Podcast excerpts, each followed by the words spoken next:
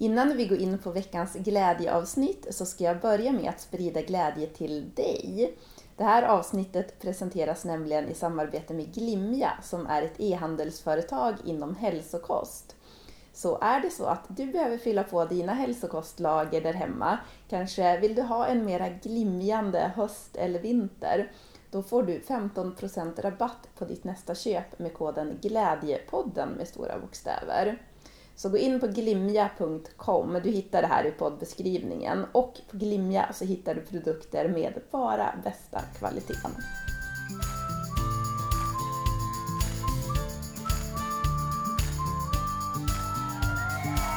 Låt dig smittas av glädje i podcasten som förgyller din dag.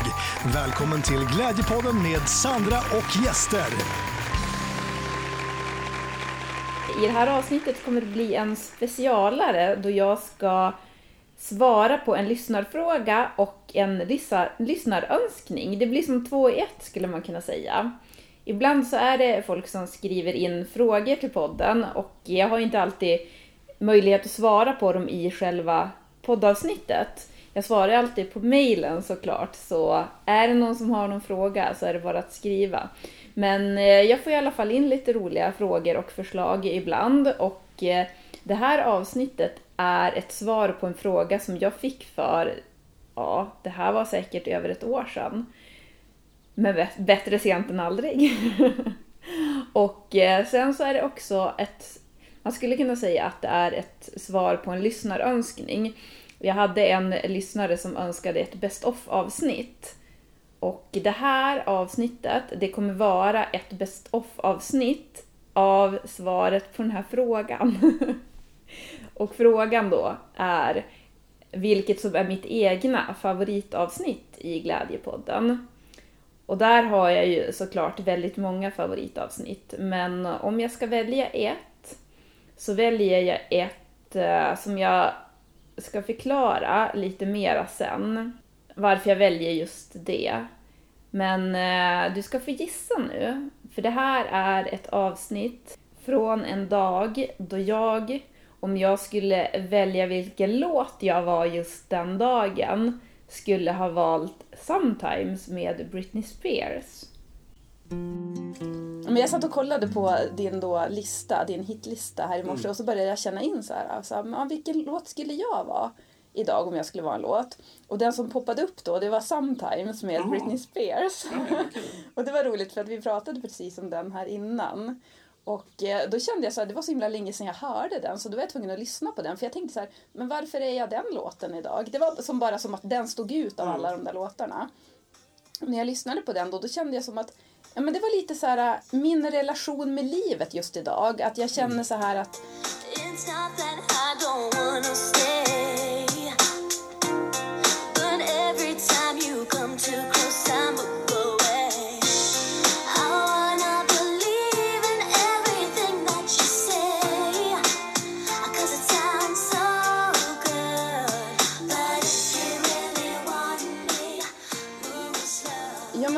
vill ha den här tilliten, mm. förstår du? Mm. Som hon vill ha då i en kärleksrelation.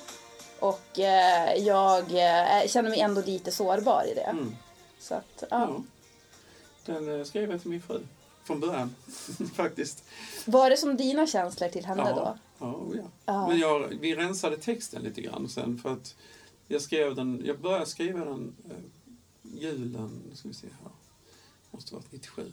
Mm. Och eh, så um, fortsatte, för sen hamnade jag i Key West och så skrev jag en del på den där. För Cheiron-studien åkte till Key West, vi hade ett hus där. Och då, um, ja alltså de andra killarna satt ju jämt, och, eller de sov länge på morgnarna. Uh. Och jag kom dit gående från mitt hotell för det fanns ingen plats till mig för jag var precis nysignad då. Så att då, um, men jag var där i alla fall så jag bodde på ett hotell några minuter bort och då när jag kom dit så var det ingen som öppnade dörren för de låg och sov, de sju sovarna. Jättebakis. Och, och då ja. satt jag och skrev den där på verandan där i, i den här morgonsolen i Key West. Det var så magiskt. Så att den, den känslan och den här solen i Key West och allt det det finns liksom i den låten. Så det är det man hör. Den var väldigt ärlig och, mm. och ibland kan man ju bli rädd för det som är jättebra mm. också. Alltså för att du inte är van vid det. Har du lyckats lista ut vem gästen är? Vem skrev låten Sometimes med Britney Spears? Kanske har du hört avsnittet tidigare, kanske inte. Oavsett vad så tycker jag att det passar väldigt bra att eh, lägga upp en kortare version för det här är faktiskt Glädjepoddens längsta avsnitt någonsin. Och eh, dessutom så vet jag att det har tillkommit många nya lyssnare, men än om du har hört avsnittet tidigare så var det väldigt länge sedan det sändes och det är också väldigt mycket visdom i det här avsnittet. Så det är värt att höra fler än en gång. Och gästen är i alla fall låtskrivaren Jörgen Elofsson. Och hans avsnitt är, jag ska inte säga mitt favoritavsnitt, för eh, jag törs inte göra det, men jag säger att det är ett av mina favoritavsnitt. Och eh, jag blir själv lite så här, eh, ja men nästan lite rörd när jag lyssnar på det här och tänker tillbaka, för att när jag sa att jag var låten Sometimes, så när jag tänker tillbaka nu på den här tiden så kan jag ju ja, verkligen stryka under på att eh, den, det kunde inte ha blivit mer klockrent. Jag var verkligen Sometimes där och då. Det var en väldigt omtumlande men också väldigt viktig tid för mig. Och eh, det här mötet med Jörgen betyder mycket för mig.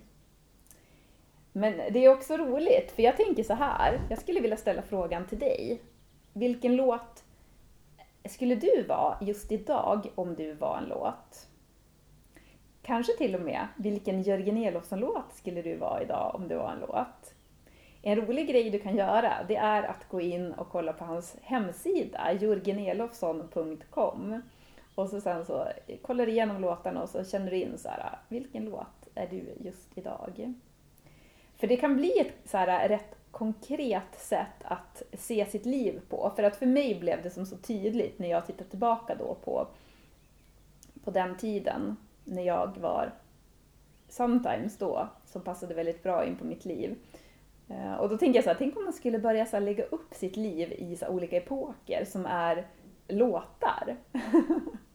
För det är så fint ändå att se tillbaka på livet och att se tillbaka på eh, ja, men, Eh, sin egen utveckling. Så då gick jag i alla fall in nu på jorgenelofsson.com och så sen så tänkte jag så här, ja okej, okay, om jag var en låt idag, vilken skulle jag vara då?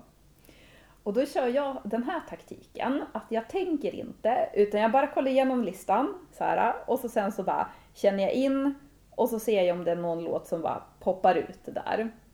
Och så var det det. Det var Unbreakable med Westlife. Och då innan jag eh, lyssnade på låten så ställde jag mig frågan så här, okej, okay, varför är jag den låten just nu? Är det för att jag har blivit unbreakable nu sen sometimes? Allt som jag har gått, i, som jag har gått igenom sen sometimes, det har gjort mig unbreakable. Och så var det som ändå fint för att då kände jag att det är nästan snarare tvärtom. För mycket av det jag har gått igenom sen dess, det har varit att minimera rädsla i mig. Vilket också innebär att minimera eh, beskydd. För att när man skyddar sig själv från rädsla eller smärta eller gamla, man är rädd för att återupprepa gamla dåliga erfarenheter.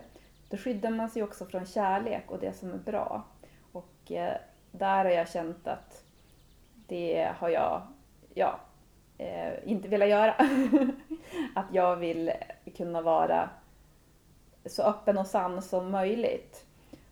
Och när jag lyssnade sen på låten då så kände jag det att ja, men kanske är det det som är grejen. Att ju mer sann och öppen man törs vara och ju mer man törs möta sina egna rädslor, för det handlar ju inte om att vara orädd det handlar ju om att våga möta sina rädslor.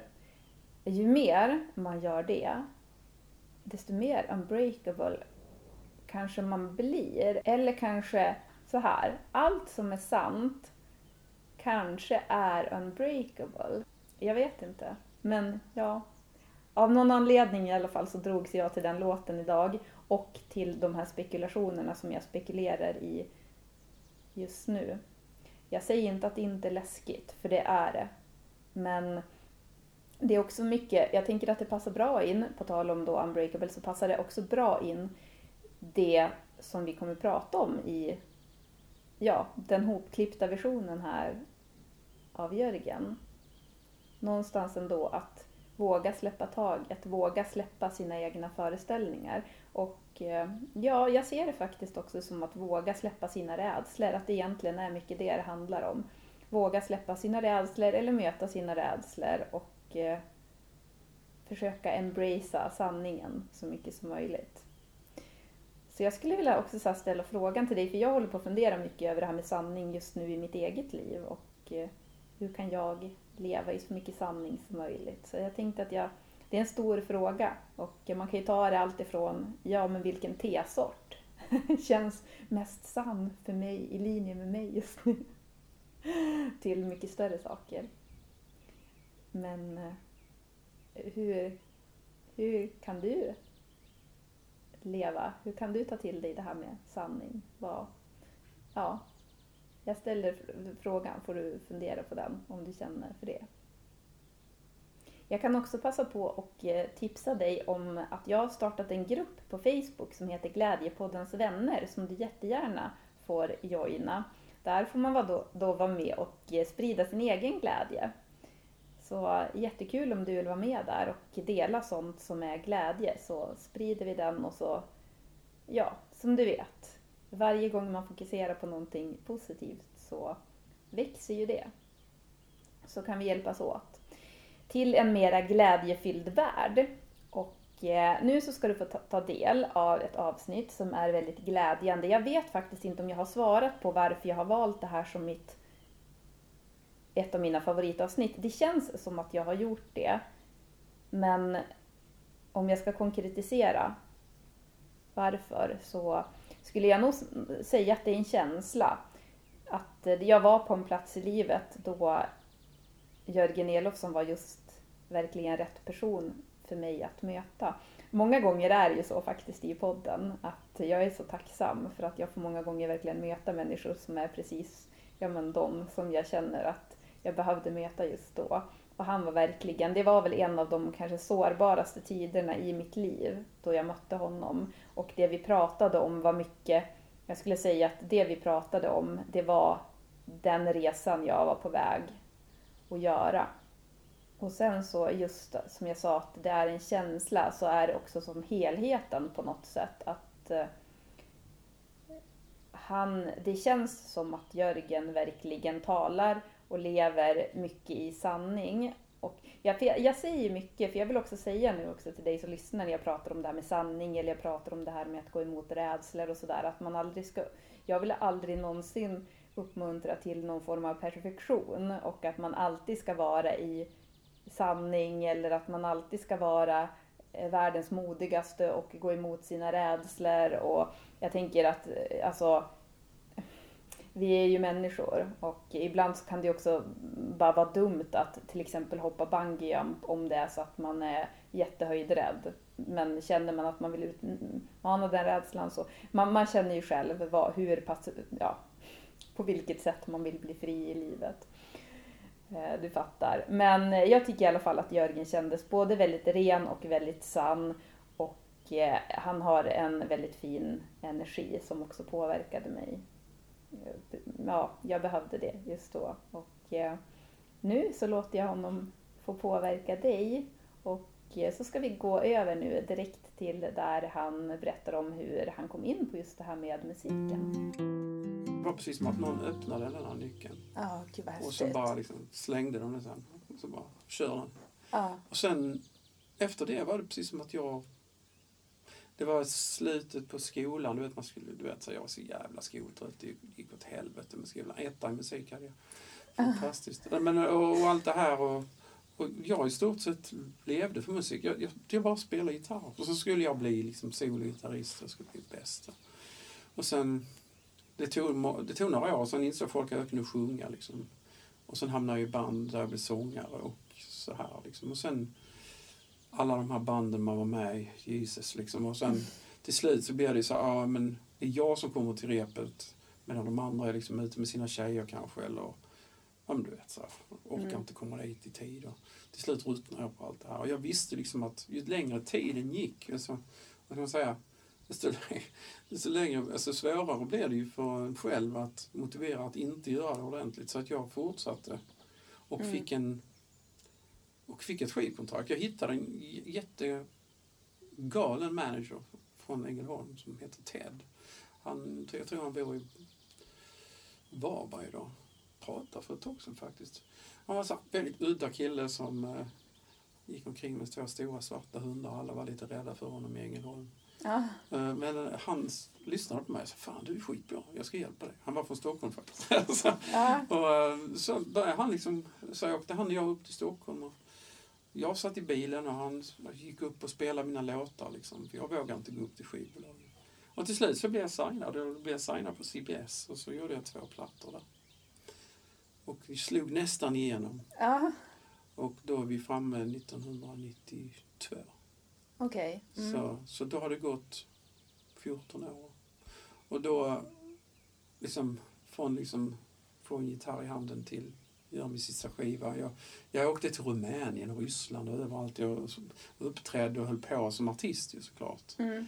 Men det hände aldrig. Och Nej. jag, jag var inte menad att vara artist såklart. Jag är Mm. kass. Alltså, du vet, så, jag, nej, men jag kan sjunga, och, för det, det märkte jag sen efteråt. Så tänkte jag så här, fan jag har ju aldrig spelat live. Mm. Så att jag och han, keyboardisten som alltid hjälpte mig sen och, och en annan eh, halvartist från Ängelholm. eh, Vi bildade en liten trio och sen var vi ute och, och spelade som fan liksom, och spelade covers och sånt. Mm. Och då lärde jag mig skillnad på mitt eget skit och på riktigt bra låtar. Ja. Och, och så förstår man att, aha, och så kommer de här låtarna in i ens, de blir som referensramar på något sätt. Det är som att man går i skolan Mm. och lär sig någonting. Fast att jag, jag lär mig genom att spela det som är bra. Så det, och möta publik, jag blev jättebra på det där. Så Mm. att det var skitkul. Eh, Men jag hade gett upp så jag hoppade in i skolan och sånt där. Så det var det som hände. Och i skolan så var det faktiskt en kvinna som också gick på komvux som jag läste tyska ihop med av någon anledning. Och hon gav mig en bok. Och sa läs den här så. Och så Ja. gjorde jag det. Och det var en bok som hette Tänk dig ett bättre liv. En lite new age-aktig bok. Ja. Så som just om tankens kraft och sådana saker. Ja. Och det är bara, återigen, pang bom i huvudet. Ja. och sen började jag använda de här sakerna. Det var då meditationen kom in. Och, och liksom centreringen av mig själv. Och, liksom bara våga. Liksom skit i allt. Alltså du vet, andlighet. Det ju- handlar ju om att vara. Ja. Inte, inte göra, inte ha, utan bara vara. Mm. Och, och, och det, fy fan vad det hände grejer alltså. Mm. Därför att jag gav ju upp musiken. Mm. Och det, det, det ligger faktiskt också någonting, en stor kraft i det. Mm. Att ge upp. Mm. För Det betyder också get out of the way. Det som egentligen ska hända, ska hända. Och det som, det som egentligen skulle hända var att jag skulle skriva låtar till andra, inte för mig själv. Mm. Och då, det första som hände var att jag fick liksom skriva låt till Carola Häggkvist. Mm. Hon ska göra någon häftig skiva. Och så gjorde jag det, så blev det singel. Och så blev det hit på radion. Och så, det var den som öppnade. Att hon tog den där låten förändrade allt för mig. Vilken låt var det? Guld i dina ögon heter den. Jag tyckte det var så häftigt när jag satt och läste om dig. För då såg jag det, ja men just den här grejen att när du började skriva låt så var Carola den första. Mm. Då tänkte jag så här, vilket flyt. Ja? Ja, men det var ju det. Hon var ju jättestor. Ja. Men hon var på en slags comeback-sväng redan då. Alltså. Ja, Eftersom hon kom ju redan 83, så det här var tio år senare. ja, Eh, Och då gjorde hon en skiva som heter Personligt. Just den låten blev singel, så den spelades ju väldigt mycket på radio. Mm. Vilket gjorde att jag tjänade pengar egentligen på musik för första gången. Ordentligt. Och vilket Ja. gjorde att jag kunde ta mig till Stockholm. just Så. det. Så gjorde jag det. Mm. Nej, det var väldigt roligt. Jag, jag, jag, jag flyttade upp med en tjej faktiskt som jag hade träffat. Hon skulle gå någon eh, universitet, eller vad heter det, journalistutbildning. Och åh, det skulle bara vara ett halvår, men jag tänkte nu eller aldrig. Liksom.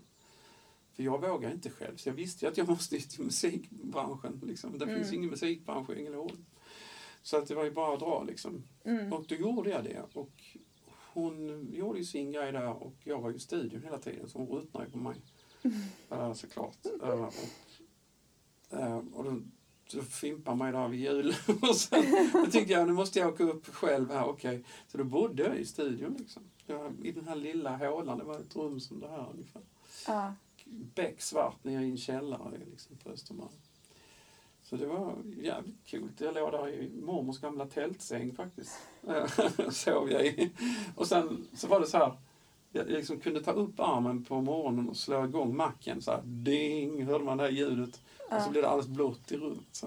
Det var jävla cool. Alltså, det var en, en otroligt häftig tid av total frihet. Alltså, jag gjorde bara musik. Det var allt jag gjorde. Jag visste inte var jag var på väg. Jag visste bara att jag gjorde det. Men du gav ju allt där också i och med Ja. att du bodde då i en studio på din mormors tältsäng. Ja, så var det. Så att, eh, jag tror att det är liksom lite så man måste göra också faktiskt. Om man vill nå... Liksom, det märkliga är så här, och det är inte så himla märkligt, men du faktiskt du får vad du ger. Mm. Alltså, om du ger en liten bit av din dröm så får du en liten bit av din dröm. Mm. Men ger du allt så kan du få allt. Mm. Det är liksom lite så det fungerar. Jag önskar att fler visste det. Faktiskt. Men nu är det fler som vet det för nu sitter ju du här och säger Eller det. hur? Då. Jag vill inte framstå som en trött guru, men lite så funkar det faktiskt. att Man tror man kan få allt. Man vill ändå liksom ha det här goa, cozy livet och liksom det ska vara så här och jag ska ha liksom lite så här. Och, och kanske göra musik ibland. Nej, men det, det blir det ju ingenting. Utan man måste ju faktiskt ge sig av och göra det här. Och det du sa också där innan med det här med att man bara ger upp. Att man tänker Mm. så här, okej nu är det inte jag som styr det här utan styr mig lite så.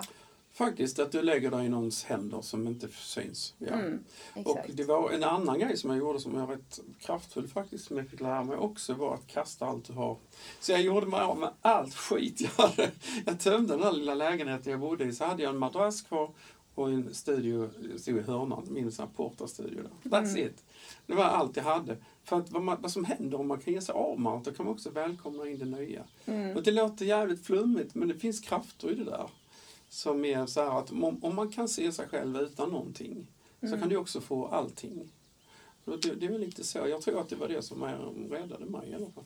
Mm. Och tog mig iväg. Liksom, till. Sen har jag nog tyvärr, åh, jag vill meditera mer liksom, och sådana här saker. För att, men jag, har haft så mycket att göra så att jag har liksom misskött mig lite grann. Så att, eh, jag är på väg tillbaks till den där grejen känner jag. Eh, Men nu påminner du dig själv om det också. Ja, oh ja. Det får man göra hela tiden. Ja, men precis. Och nu har du som gjort det officiellt här så att nu vet du. Du, när du lyssnar på det här sen också så kommer du bara, just det. Ja, just det. Ja. Nej, men det är jätteviktigt. Men, men det finns tider för allt. Va? Det finns tider liksom för att du ska göra liksom det på det sättet. Sen måste du ta emot allt när det händer. Mm. Och lite grann var det som om du vet eh, Fångarna på fortet. När, I slutet när de liksom släpper ner alla guldpengarna. Mm. Så måste du springa utav helvete. För det är då det öppnar sig. Ja. Och sen kommer det här att stänga sig förr Mm. eller senare igen. Eh, för att allting är en vågrörelse i det här jävla universumet. Så att allt upp, ner, fram, tillbaka. Hela tiden. Det, det finns ingen...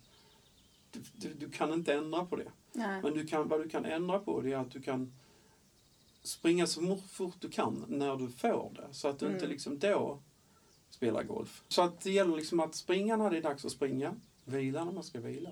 Så tror jag. Mm. Och sen är det spänningen däremellan som skapar musik och skapar eller tavlor eller bra idéer eller tech-idéer eller vad fan det än är liksom som du gör. Så ligger det liksom där. Det liksom ligger i spannet mellan spring och vila. Men också att tro på det man gör. Såklart. Mm. Wow, jag känner jag tar till mig jättemycket av det du säger för att Mm. jag känner just nu så är jag själv i, i en resväska.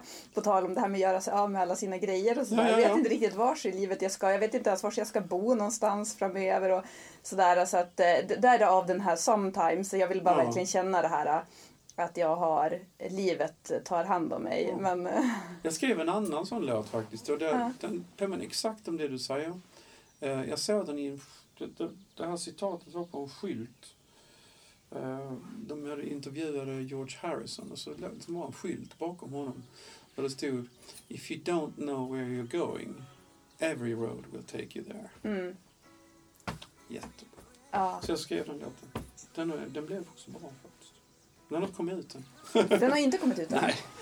fan! Jag kände att det var den jag skulle lyssna på. Fast nej, det var Gareth Gates. Vilken, vad hette den låten nu igen då? Ehm, Du kan ta en paus om du vill. Jag spela Gareth Gates? Ja! When you think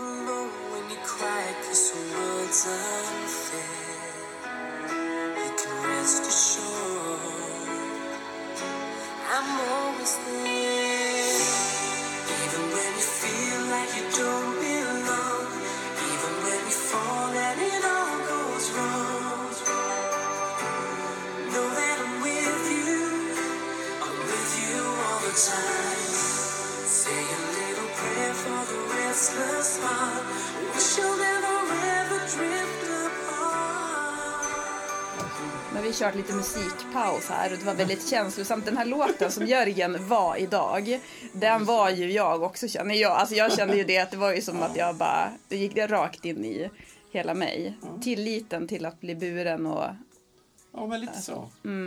Väldigt mycket så. Att det finns någonting där inom oss alla som är evigt och som vi kan luta oss mot när det är jobbigt. Liksom. Eller som vi kan använda oss av när vi ska flyga. ja. Liksom. Och jag tänker att det är väldigt stort att hamna där, för om man kanske inte har haft riktigt den tryggheten i livet, att då blir det som att man kan på något sätt tvingas in i den högre tilliten, om du förstår vad jag menar. Ja, alltså, jag vet inte exakt vad du menar, men jag kan säga att det var lite så det var för mig. För jag hade inte den tilliten. Nej. Den hade jag gått förlorad. Så den, den hade försvunnit under min uppväxt. Så. Mm. Eh, utan det var någonting som jag fick uh, hitta tillbaka till själv. Mm. Och faktiskt genom en bok som jag fick i komvux när jag hade gett upp allting. Ja. så, så kom det där och då, då kom musiken på så otroligt märkligt sätt tillbaks. Och jag gjorde inte ett skit, jag lovar dig, för att hamna på. Nej. Jag var bara där utanför en dag och, och Dagge öppnade dörren och sa välkommen in. Så Mm. att, jag, vet inte, jag vet inte vad som hände då faktiskt. Det är jättekonstigt. Men eh, jag tänkte så här, bäst att göra det bästa av det. Så det gäller ju på något sätt att hitta den där, det, där, man, där man får en klang, där det resonerar kring en. Eh, Där man får, eh, om det handlar om att föda upp kaniner Mm. eller om det handlar om att göra Ja. musik eller Ja men förstår du vad jag menar? Alltså det handlar Mm. om att dra iväg ut på landet och eller, eller rädda valarna eller vad- vad fan som helst. Alltså, Mm. Bara det är någonting, för jag tror att alla har liksom en, någon form av uppgift som vi ska liksom hitta. Mm. Och Exakt. hittar vi inte den så är det, det kan vara av olika anledningar. Eller så hittar vi den till slut. Jag vet, det där vet inte jag, det är ingen som vet. Men det känns som att mitt, mitt eget, min resa och mitt liv, alltså det blev så jävla självklart när jag hittade musik. Mm. Det blev liksom vägen ut ur någonting som jag inte riktigt tyckte så mycket om. Där jag befann mig som inte var så jävla positivt. Men, eh, ja, men musiken räddade mig kan man säga. Från Ja, men det var massor av saker. Ja. Ja, och du följde den, du lyssnade verkligen. ja, absolut. Jag, jag lyssnade men jag hörde inte. Mm. Eller så gjorde jag det för att det är så konstigt för att det var ju precis rätt tid allting skedde så jag vet inte fan. Men jag hade liksom de här 14 års bandspring. Liksom olika replokaler, olika band, människor hit och dit och du vet så här, ja, inspelningar. Man dubbeljobbade, jag vanligt, jag jobbade och knegade som vem som helst i 15 år. Eh, alltså samtidigt som jag gjorde musik. Så, att, så egentligen hade jag ju en lång, alltså jag hade en lång karriär av musik innan det hände. Mm. Som jag hade liksom 20 år innan Britney small till. Men Men kan inte inte du- ut i 20 år? Ja. Men kan inte du se det som en fördel ändå att du vet hur det är att vara artist också när du skriver låtar till artister? 100 procent. Ja. Det är jätteviktigt att veta. För jag vet olika saker. Jag vet att de behöver bra musik, inte bara min musik. Jag vet att eh, jag vet hur de mår. Jag vet vad det, vad det är som ligger på deras axlar och så vidare. Och så vidare.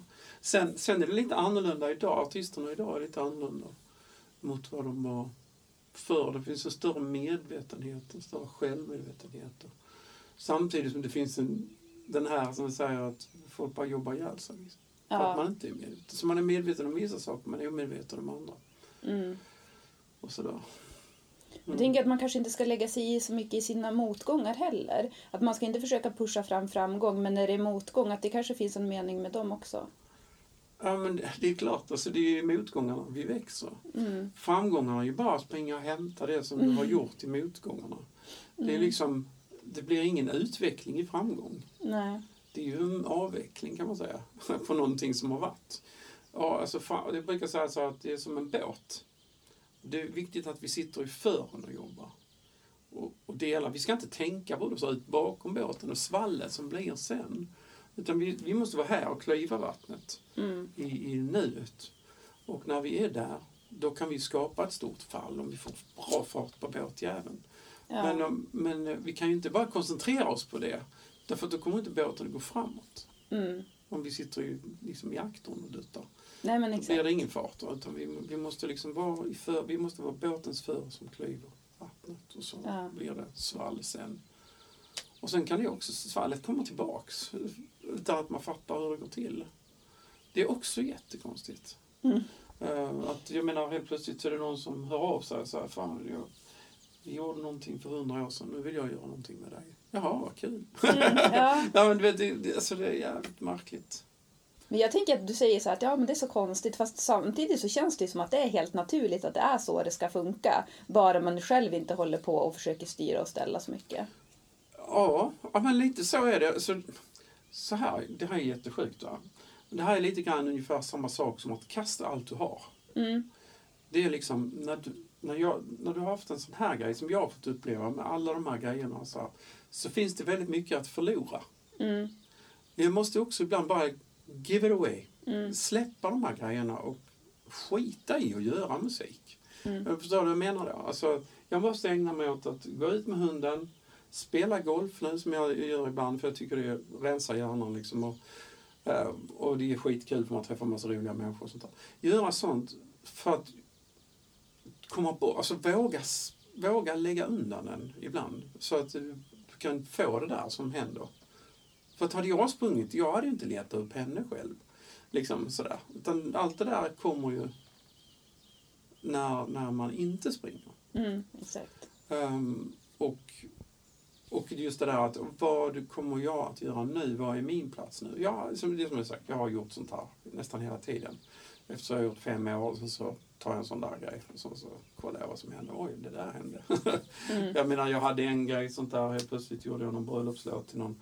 Och sen, ja, men det, är liksom, det, det dyker upp grejer som jag inte vet kommer att hända. Och det är jättekul. Det är någon som jag känner i LA som vill göra en musikal tv-serie. De har hört av sig.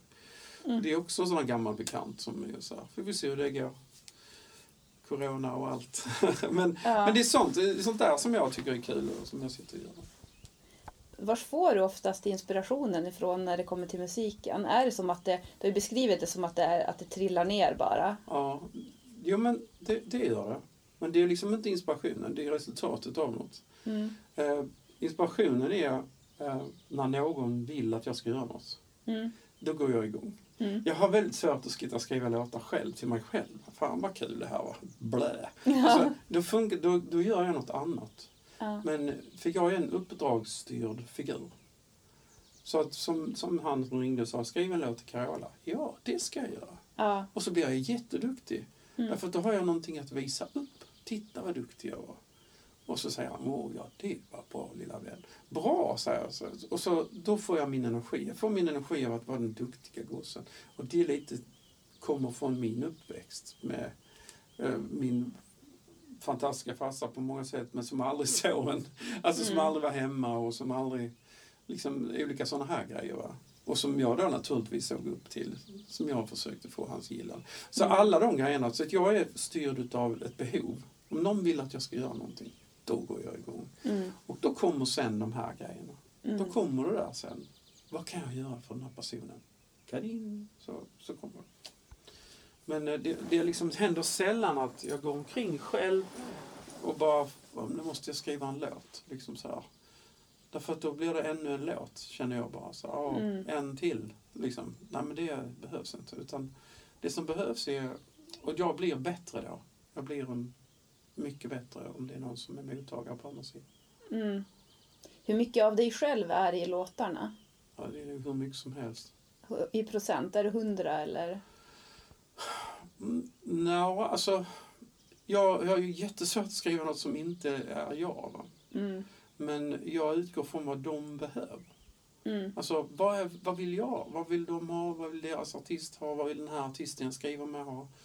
Och så blir jag liksom en slags kameleont som kan... Jag är liksom jag. Jag är en kameleont. Jag kan göra det, jag kan göra det här. Jag kan vara blå, jag kan vara gul. Och, liksom så här va. Men jag är jag. Är du med? Mm. Så att det blir liksom jag, fast det blir liksom lite olika. Du ska få en jättesvår fråga Oj nu. då. Nu vet jag vad den sa. Vilken är den viktigaste låten? Nej, men, men din bästa låt. Nej, jag säger inte. Det är ju jättesvårt. Jag kan ju inte säga det. Alltså det, det men då måste jag, om jag ska säga min bästa låt, då är det jättetråkigt. För då kommer jag säga så, ja ah, men då är det Soundtrack med Britney. För den var den som förändrade mitt liv. Mm. Jag skrev ju väldigt mycket låtar själv. Som, som blev jävligt stora. Eh, och sådär. Och det, det var också en viktig grej. Eh, eh, i, idag funkar det liksom lite annorlunda. Det är väldigt mycket människor på varje låt. Så, det, jag såg någon Alan Walker-låt. Alan Walker, en norsk DJ-kille typ. Mm. Han släppte en ny låt. Det var elva låtskrivare på den. Jag Ja, tänkte så här, hur fan går det till? Ja, Hur går det till? ja. Alltså det, det tricklar uppåt i med de olika gatekeeps-grejerna. Så här, så, ja, men om vi, kan ta in det, men då ska vi också vara med. Och så ska inte den vara med, så måste jag ha några procent. Så till slut så har vi ingenting kvar. Men jag behöver inte göra det. Utan Mm. jag, jag, det var mina egna låtar. Eller att jag kanske skrev med en annan person. Och så. Mm. Och då, då får man ju liksom ett större utrymme rent medialt om det funkar. Mm. För det finns ju en media kring låtskrivare och sånt också, även med det mer underground eh, i musikbranschen och sådär. Mm. Så blev det ju väldigt, folk fattade direkt vem man var. Och, Ja. och jag hade ju, då hade jag när det hände med Sometimes, då hade jag ju redan gjort musik i 20 år. 20 år hade jag jobbat med musik. Ja. Och, så jag var så jävla bra på det jag gjorde Mm. när det hände. Så det var bara att åka. Vroom! Var bara Ja. liksom så göra Ja. de här låtarna och kunna vara där och jobba ihjäl mig. För jag visste att nu, nu, nu liksom är det Fångarna på fortet här. Ja. Nu släpper de pengarna här eh, och nu måste jag springa Ja. och ta så mycket jag kan av den här chansen som jag fick nu. Mm. Och det, det är lite grann som du slår till exempel en jävligt bra drive på, med golfen där. Då, då kan du, liksom, du kan få en jättebra utgångspunkt och då bollen gör en perfekt bana och den kan komma liksom, ja, jag vet inte, jag slår inte så jävla långt, men 230 meter om Mm. jag får till en bra boll. Men jag kunde också bara fippla till den och fått den fem meter fram. Mm. Så att det är liksom, återigen den här bågen, andetaget, vågrörelsen, liksom, allting är sådär. Så att ju, den var så stor den där låten och framförallt hon var så stor. Ja. Och det var Hit Me Baby One och även ju- jag hade en annan låt, eh, Crazy, som jag skrev med de andra killarna. Också på samma skiva som också blev singel och låtarna blev singel efter varann. Mm. För först kom ju Martins låt och sen kom min och sen kom den andra som vi skrev tillsammans. Och det, det var ju liksom det var ju som, nästan som en hattrick liksom, på den viktigaste Ja. matchen och sen var hon den största artisten i världen. Ja. Så att jag tänker få vara med där. Liksom. ja, det är ju helt Men det ofattbart. sjuka är att jag gjorde en intervju en gång. Det här var, ja det var nog på 70-talet faktiskt, slutet 79 kanske. Eller något sånt. Då kom de hem till mig. Eh, Eller jag vet inte, det var så annonsbladet. Du vet, sån här liten, så hade de någon liten um, sån här um, Ja, men en liten musikkolumn. Så. Det var en sån liten tidning du vet, så här, som var sponsrad av annonser helt enkelt. Och, och så var det någon sån här som hade, så skrev de om ett band och så hade jag ett band. Band, vi hade ju ingenting. Mm. Det var jag och en trummis och vad fan var det mer? Uh, var vi två gitarrister? Jo, det var jag och eh, så min kompis Mårten i klassen. Det här var nog 78 faktiskt. Där jag sa att jag ville vara med och skapa det nya soundet. Ja. Helt sjukt! Ja. Och så bara skicka jag ut den där önskan i universum. Och sen Ja. kom jag på Cheiron och så var jag med Mm. och skapade det nya soundet. För det var ju det det var. Mm. Vad fan hände där? Det spannet som var tvunget, allt det där som ska hända, som du kan spåra bakåt sen. Mm. Vad tänker om jag inte hade sagt det då? Mm, exakt. Eller hur? Alltså, det, Det, visst är det sjukt? Va? ja, det är magiskt. Det är, Ja, det där det är jättes... det är otroligt häftigt när jag tittar Mm. på de grejerna och tänker så här. För att jag är väldigt, väldigt öppen för den här andlighetsvägen. Mm. Och jag ser de här sakerna överallt. Jag ser tecken överallt. Det är fan, alltså, man kan ju antingen, antingen får man bura in mig eller så är jag, eller så tycker man det är kul. Men jag, jag är en sån person som är väldigt öppen. Mm. Jag, tror- jag ser det när liksom, jag vet att det här kommer gå bra. Ja. Eller det här kommer gå åt helvete. Mm. Eller eh, det där, kolla det här. Eller jag känner, när jag, jag vet när jag är rätt. Ja. Till exempel. Eh, Jag kan vara oerhört tveksam i vissa grejer. När jag kan känna så här, men när det är rätt, då vet jag direkt. Mm. Och bang, det bara springer. ja. Så att jag har aldrig tvekat. Liksom sådär. Jag tänker det att livet blir så enkelt om man vågar lyssna på sin magkänsla. Ja, det, det blir Hur enkelt ologiskt och eller logiskt det samtidigt. Alltså, Ja. Du måste vara lite modig. Men om du inte har någonting att förlora, Mm. hur ser den här ut? Är det bra? Vi sitter och håller på här. Jag sitter och kollar på Jörgens mick lite titt som tätt. Så att den, Ja, det är bra. det är en Så- sån här mygga, så den Så ja, precis. Så att den inte hamnar innanför tyget för då blir det liksom så här... ja, men precis. Ja. Nej, Ja. men det är bra. Nej, men det är liksom väldigt mycket sådär. Um, för mig var det väldigt enkelt eh, och väldigt komplext för att det var liksom lite grann som att du vet ett flygplan, det har jag berättat för folk också, men ett, om du tar ett flygplan som ska starta och så drar det igång till helvete och så, så, så när du passerar en viss punkt så måste du lyfta Ja. och den punkten heter point of no return Mm. i flygspråket. Och så länge du kan så, så kan du stanna och kliva av och, och fan vad skönt. Men när du väl har nått dit då måste skiten lyfta. För att Mm. annars går det åt helvete. Mm. Och, och det var där jag befann mig Mm. eh, eh, när jag klev av.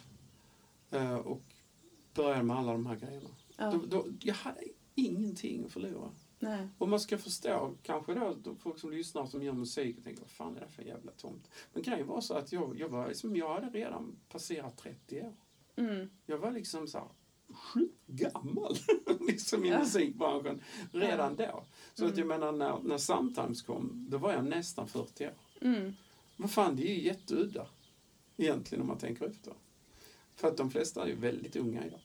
Men är Så- inte där det kan vara lite farligt också att man sätter såna alltså, etiketter på hur saker och ting ska vara och när saker och ting ska ske och att Ja, absolut, ja, absolut. fram. Men men det var det som gjorde mig lite som ett unikum. För att jag var som Mm. ett ufo. Liksom. Jag bara var här och gjorde allt. Jag jobbade som fan. Jag gjorde Mm. ingenting annat. Jag bara jobbade.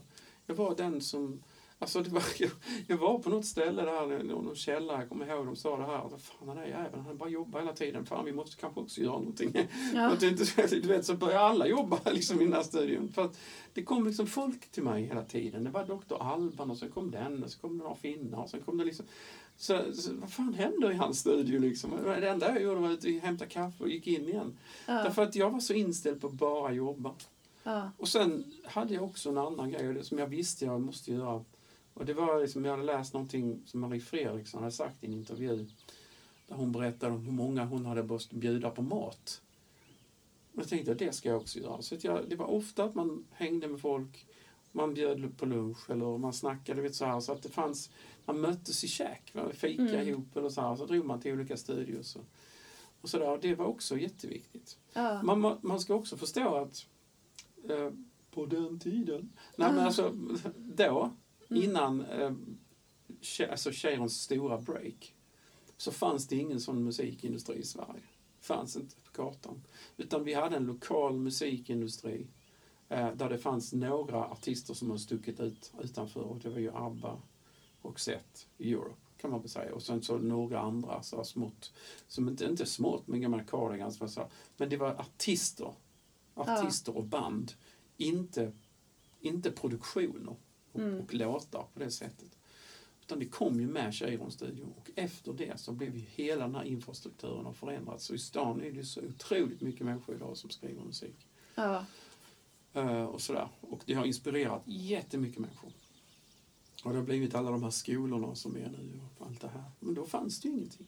Mm. Men ändå fann, fick man hoppa, man, jag, jag, vi gjorde ju det ändå. I alla fall jag Ja. var ju sån som for med, alltså, jag åkte så mycket tunnelbana så liksom, det var helt sjukt. Va? Jag orkar inte åka tunnelbana mer än någonsin. Men då gjorde man det, alltså, man, åkte, man for ju fram och tillbaka och hit och dit. Och så. Ja. Så att, ja, det var, otroligt spännande tid. För, att, för man visste ingenting, men jag sket i det för jag mediterar. Jag höll mig i nuet. Jag höll mig helt och hållet i nuet och litade på att det ordnar sig. Så var det faktiskt. Så det, det var en väldig kraft. Alltså Jörgen, det här är så bra. Är det det? Ja, det är det. Exceptionellt. Ja, vad kul. Jag, jag älskar att höra det. För att jag tänker så här att det, det du säger, det är liksom... Ja, men jag tror jag sa, har sagt det tidigare nu när jag har pratat här, men det är som meningen med livet. Mm. Just Ja, det här att vara i nuet och sen då vara öppen för det som... Att ta, Ja. bara ta sig och, och liksom se när man ska och våga släppa. Nej men gud, jag vet inte, jag kan inte ens sammanfatta det här. Det är Ja, men det, bra. det, alltså, du, du kan ju... Uh, man sammanfattar egentligen mig kanske genom, genom all musik och allt som jag har gjort och sådär. Men en sak som faktiskt är lite märklig och det är att jag, jag är samma. Mm. Jag har inte förändrats. Det är jättekonstigt. Jag, jag är lika snurrig som jag alltid har varit. Och lika konstig. Jag, jag märker det, jag kommer aldrig in i det här. Jag försökte komma in i det här livet. Du vet, Ja. att vara lite grann som man förväntas vara. Men jag mår så jävla dåligt av det. Ah. Jag funkar inte. Alltså det, jag, jag har märkt att jag är faktiskt... eh, Jag, jag, undrar om det kanske är för att det kom senare i livet. Att jag Ja, att om, om, om jag hade så att säga haft min samtimes-framgång när jag var 21 så hade det kanske förändrat mig mm. och kanske gjort mig dålig eller sjuk eller alkoholiserad eller vad fan som helst. Men eh, det, eftersom det kom när jag var 38 så... Jo, men man tänker ju att Så väldigt många kändisar hamnar ju i drogträsket. Mm. Och det. Så att det kanske har någonting ändå med det att göra. Att man, du var mer stabil i dig själv än... Jag, vet, jag, tror, jag tror att jag var det. Eller, Mm. eller vad ska jag säga, stabil. Jag var nog... Jag var nog liksom, jag bara följde någonting. Mm. Jag, jag liksom tänkte inte så mycket. Utan jag, jag gjorde liksom min grej och så eh, tog jag hand om mig själv. Alltså väldigt mycket med meditationen. Och, och sen så träffade jag ju eh, Kikki då som var helt fantastisk och som bara var en sån här frihetsmänniska. Som jag, jag, menar, jag har aldrig haft något problem med att göra allt jag har velat. Mm. Liksom just därför att hon är likadan. Hon Och det är din fru alltså? Ja. Mm. Så att, jag menar, det skulle ju aldrig funkat om jag hade haft en relation där, där någon hade stängt mina dörrar. Då hade vi inte haft någon relation. Så att jag menar, det, det är också sådana här saker. Det, det, människorna runt omkring är så jävla viktiga. Men för jag tänker att det är nog lätt att tappa fotfästet i den branschen ändå. Ja. Med världsstjärnor och allt vad det är för någonting. Har du Mm. känt att du alltid har haft dina fötter kvar på något sätt? Ja, men alltså, jag, kände, jag kände att... Jag tror att det var när jag var lite så här... När jag hade varit lite väl mycket i LA så kände jag liksom att eh, det var på väg att förändras någonting. Mm. Och eh, Los Angeles eh, musiksvängen har den förmågan att man är i Hollywood så kan man liksom bli Hollywood. Om, om man är liksom, inte tänker sig för. Jag, alltså jag vill inte bli Hollywood, det vill säga någon sån här ytlighetsteori. Mm. Utan, eh, så att jag trivdes väl aldrig där. Så att jag, jag, jag tänkte flytta dit men det blev inte så. Därför att när jag väl skulle göra det då så, så var jag helt enkelt för trött. Så tog jag en paus. men, men då hade jag ju varit där. Vi hade varit där jättemycket. Man får fram och tillbaka hela tiden. Och nu är ju alla där. Alla, Ja. ja. inte nu för nu är det corona men innan så Ja. var ju alla liksom på något sätt I'm in LA, I made it. Ja, just det. Ja. Man fattar inte att here's just another one, another sucker just stepped off the bus. Liksom, för att egentligen är det så. Mm. För att Los Angeles är liksom typ dubbelt så många människor nästan som Sverige. Mm. Så stora Los Angeles är väl 18-20 miljoner människor. Det är liksom att åka till en plats som är liksom dubbelt Sverige och försöka breaka där. Det, det är inte alltid så enkelt. Men det är Ja. ändå där det händer om det ska hända. Mm. Um, Men jag som- tänker att du är en väldigt fin person. Alltså det så jag, jag tänkte det redan när jag såg dig på TV med Timmy. Ja. Så tänkte jag så här, åh vilken fin människa. Det känns som att du... Wow. Får inte säga sånt, jag börjar gråta faktiskt. Nej, men på riktigt, det, det brukar man inte få höra. Men vad kul att du, du känner att jag har något. Glädjeutmaning. Om vi ska sammanfatta det här avsnittet så tänker jag att det är väldigt mycket det här med att ha tillit, att bara känna in i sig själv och... Mm. eh, Ja, men jag tror att det är så, tro på nuet. Mm, Tro på nuet. Gräv där du står. Var närvarande. Mm. Ja, exakt. Det är liksom nyckeln till hela skiten. Det här vi kallar för livet. Ja, Nej, men vet du, våran, våran hjärna är ju så fantastisk på många sätt. Va? Men det, i nivå, vi har också liksom två personligheter. Vi har ju ett ego va? Mm. som tyvärr bildas av olika sätt, alltså på olika sätt och behandlingar som vi bemöts i livet. Va? Så skapar vi ett falskt jag. Mm. Och jag säger så här, um, skipa egot och vara dig själv Mm. faktiskt. Exakt. Det låter som en jättebra utmaning. Ja, jag tycker det. Skipa egot och vara dig själv. Mm. Lyssna Vad vill du egentligen? Ja, exakt. För egot, det är ju inte bara den som tror att den är störst, bäst och vackrast, utan det är också den som sätter käppar i hjulet och bara du det, kan det, inte det, det här. det, alltså det är jaget som man själv skapar. Mm. Och det kan ju komma från olika saker, olika upplevelser i livet va? som gör att ehm, jag blir en tillfredsställare av andras önskningar. Mm. Eller jag, Exakt. eller jag är en si eller så. Jag, jag tror att jag är så. Till slut tror jag på lögnen själv. Men jag är ju inte så här. Mm. Det var någon som skrev också i den fantastiska boken som jag läste den första. Vad var det den hette? Tänk dig ett bättre liv. Ja. Det är en kvinna som heter Anna-Stina Wrethammar som skrev den. Jag vet inte om hon lever längre. Mm. Men hon var också så jag skulle vilja tacka. Tack, Mm. säger Anna-Stina Wrethammar, för den boken. För den förändrade hela mitt liv kan jag säga. Mm. Det sa bara pang bom Ja. sen var det helt nytt. Men det finns de tre jagen. Den jag själv tror att jag är. Den andra tror att jag är. Ja. Den jag verkligen är. Mm. Alltså de tre. Och det handlar om att vara den du verkligen är. Så Mm. att skippa jaget, var den du verkligen är. Det kan du. Och på tal om det här med pang, du vet att någonting bara Mm. Tänk dig, alltså vi vet ju inte hur många pang det har blivit nu av allt det här fantastiska du har sagt för de som lyssnar på den här podden. ja, det hade ju varit något. Ja, jättekul. men det är det som jag tänker, som vi pratade också om i förra avsnittet med Timmy. Man vet faktiskt aldrig, bara man är sig själv och följer sin inspiration, då kommer man förändra andra människors liv på större sätt än vad man ens kan veta Ja. om eller föreställa sig. Och det behöver man inte ens veta, för det bara, det bara händer. Ja, Men om det, är no- ja, så är det. Om det är någon som nu är intresserad av att hålla koll på dig, vad du gör. Du har ju en jättefin hemsida, har du visat här. Ja, den kan man kolla in. Den är väldigt häftig faktiskt. Det finns mycket att kika på där. Och eh, sen har du någon Instagram eller någonting man kan... Jag har en Instagram, men det, det står inte så mycket i den utan det är bara liksom någon grej som jag lägger ut då och då och sådär. Men eh, Mm. ja, så där finns en Instagram och jag har min jorgenelofsson.com då. Där jag samlar liksom det mesta. Liksom så. Ja. Det går att hitta i poddbeskrivningen här. Ja, så finns, min musik finns ju överallt. Men man kan Mm. hitta ganska mycket. Sen kan man liksom slå upp den på Spotify och lyssna. Man kan faktiskt också lyssna direkt i min hemsida. Kommer till Spotify tror jag. Ja. Låtarna, så det är lite fräckt. Ja. ja. Har du någonting du vill tillägga nu innan vi säger tack och hej? Vad fan, det där är ju livsfarligt att fråga mig. Nu kommer jag sitta här och prata. Det här kommer bli. Glädjepoddens längsta avsnitt, men det, det bjuder vi på för det är ja, verkligen men, värt nej, men jag, jag tycker också att det har varit jättekul. Alltså, varför vi har det här samtalet beror på att du är sådär. Förstår du? Vi kunde ju haft ett samtal som var ett helt annat samtal. Men Ja. det, det är ju du som driver samtalet. Och det är den här, du har ju den här öppna auran och vill göra saker och lita på universum. Så, så då får du göra det. Och det är tack vare dig som jag pratar. Så är det. För jag är ett instrument för andra människor. Så funkar det. Men det är ju inte, det är ju inte bara jag som sitter här och maler. Utan det är det är faktiskt du också. Så du får ge dig själv en eloge. Det skulle jag vilja säga. Ja men oj då. Ja, tack så jättemycket. Ja men så är det.